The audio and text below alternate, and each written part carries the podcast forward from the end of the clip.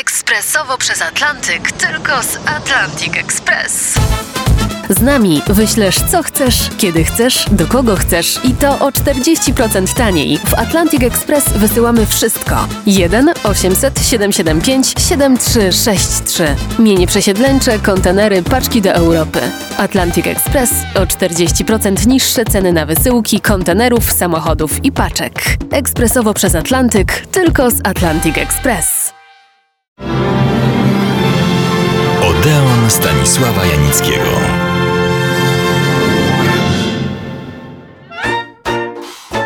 Jej imię i nazwisko wymienia się zawsze w połączeniu z innym imieniem i nazwiskiem.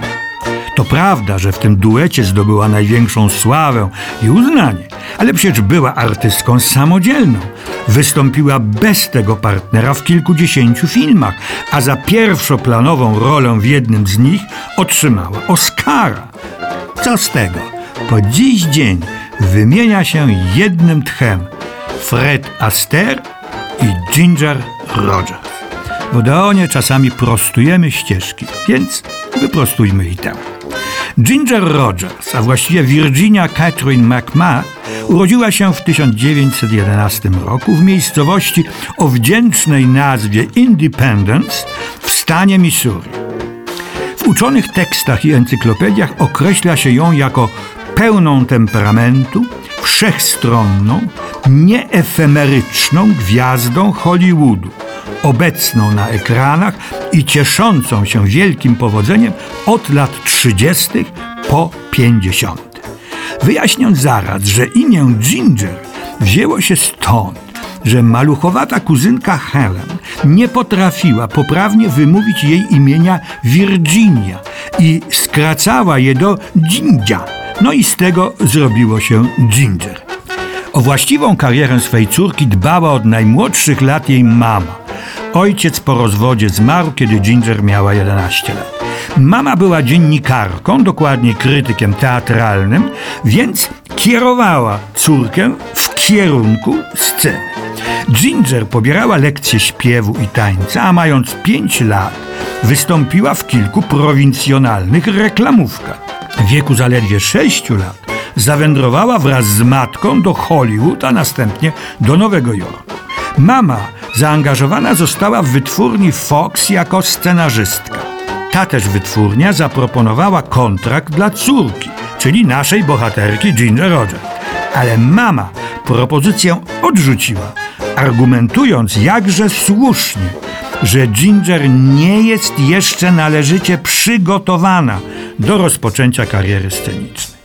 Profesjonalny debiut Ginger Rogers nastąpił, kiedy miała już lat 14, kiedy przez tydzień występowała jako tancerka z trupą wodewilową w teksańskim Fort Worth. To jest Odeon Stanisława Janickiego w RMF Classic. Przełomowym był rok 1925. Wtedy to bowiem zwyciężyła w konkursie Charlestona i rozpoczęła regularne występy na scenach w spektaklach wodewilowych. Sama potem ze swym pierwszym, a miała ich pięciu, mężem w duecie Ginger i Pepper. Za niedługo w innym, tym razem damskim tercecie Ginger i dwa rudzielce. A wkrótce ze znakomitymi orkiestrami Eddie Lauriego w Chicago oraz Paula Asha w Nowym Jorku.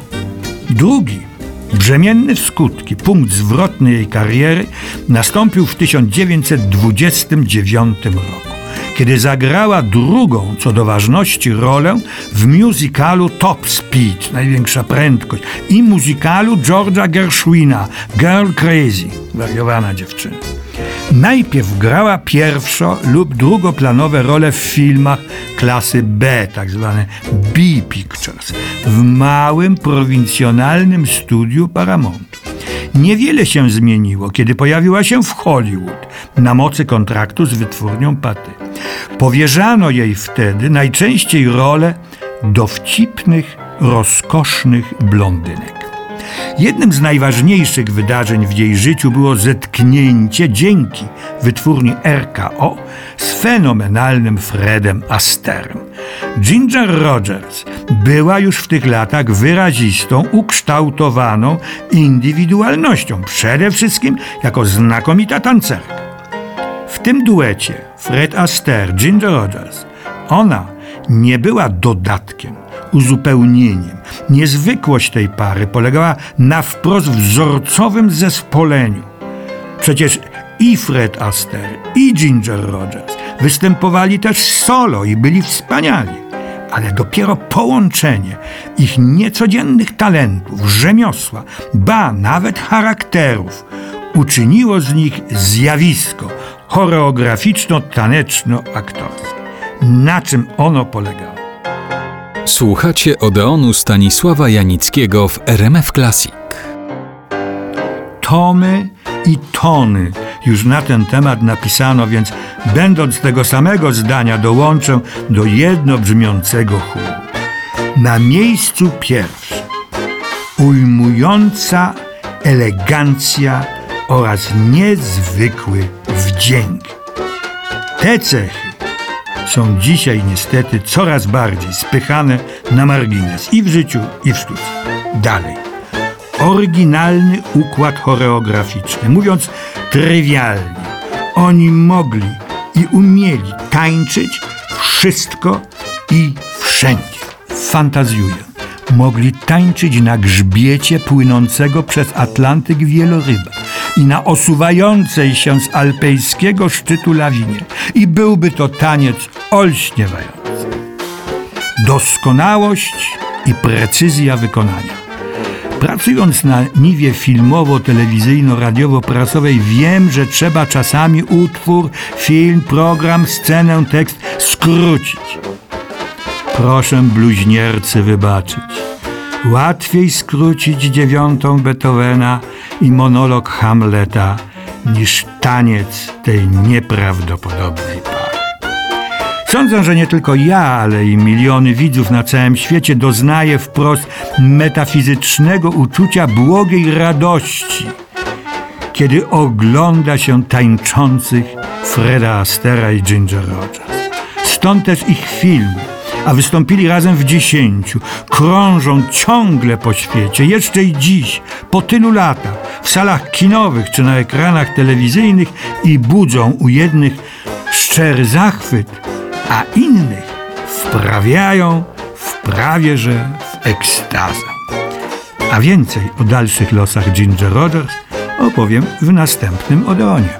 Zapraszam.